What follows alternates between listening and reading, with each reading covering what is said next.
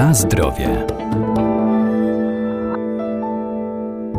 Oleje roślinne mają powszechne zastosowanie w naszej kuchni. Możemy je dodawać do sałatek, czy też na nich smażyć różne potrawy. Wpływają pozytywnie na nasze zdrowie, głównie poprzez obecność w nich wielu substancji aktywnych, takich jak kwasy tłuszczowe omega czy witaminy rozpuszczalne w tłuszczach, ale przed ich zastosowaniem należy sprawdzić, jakie mają przeznaczenie. Niektóre mogą być używane wyłącznie na zimno, bo pod wpływem temperatury wytwarzają się różne związki niekorzystne dla naszego zdrowia.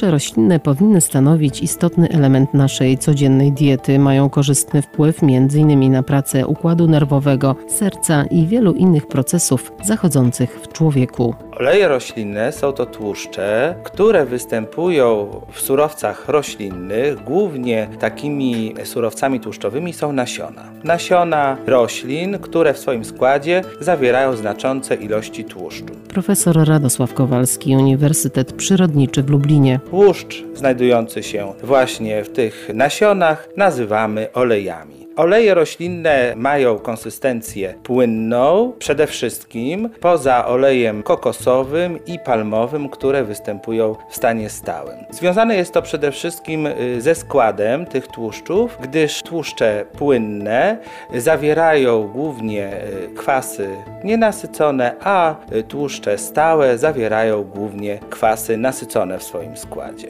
Oleje roślinne w swoim składzie zawierają znaczący udział kwasów nienasyconych Część z tych kwasów nienasyconych należy do grupy tzw. Tak niezbędnych nienasyconych kwasów tłuszczowych, które stanowią istotny substrat dla tworzenia ważnych części naszego organizmu, tak można powiedzieć. I w specyficznych warunkach, jeżeli takie procesy mogą zachodzić, mogą być przekształcane w związki pochodne, które będą właśnie tworzyły tak istotne dla naszego organizmu organy. Mogą to być na przykład przykład komórki nerwowe. Dlatego w naszej diecie one są niezastąpione, muszą występować.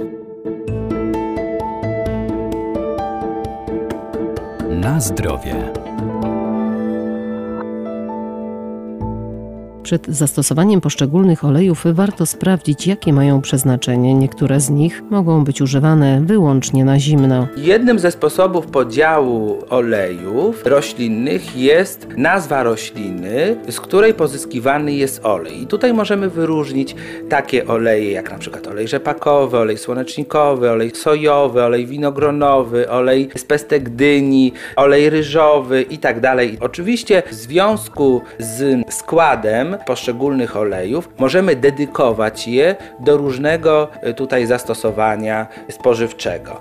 I tak, na przykład, tak zwana oliwa z oliwek, czyli olej oliwkowy, on charakteryzuje się wysoką zawartością kwasu jednonienasyconego kwasu oleinowego i w związku z tym, jako że ten kwas jest dosyć stabilny, jeżeli chodzi o procesy wysokotemperaturowe, może być na oliwie smażone, może być dodawany do potraw, które są w wysokiej temperaturze obrabiane. Ale należy zwrócić uwagę, że bardzo często oliwa z oliwek właśnie jest tłuszczem otrzymywanym w wyniku tłoczenia, tak zwana oliwa dziewicza i właśnie taki tłuszcz raczej jest dedykowany do użytkowania na zimno, czyli na przykład do sałatek. Kolejnym tłuszczem, który jest bardzo podobny w składzie do oliwy z oliwek jest olej rzepakowy. Olej rzepakowy także charakteryzuje się się wysoką zawartością kwasu oleinowego i także tutaj pod tym względem jest stabilny wysokotemperaturowo, czyli może być on wykorzystywany w procesie obróbki kulinarnej wysokotemperaturowej. Następnie takim ciekawym olejem jest olej ryżowy, otrzymywany z pękniętych łusek ryżu. On jest stosowany powszechnie w kuchni azjatyckiej. Charakteryzuje się bardzo wysoką temperaturą dymienia, w bardzo ograniczony sposób wnika do smażonych potraw, więc one nie są takie nasączone tym olejem.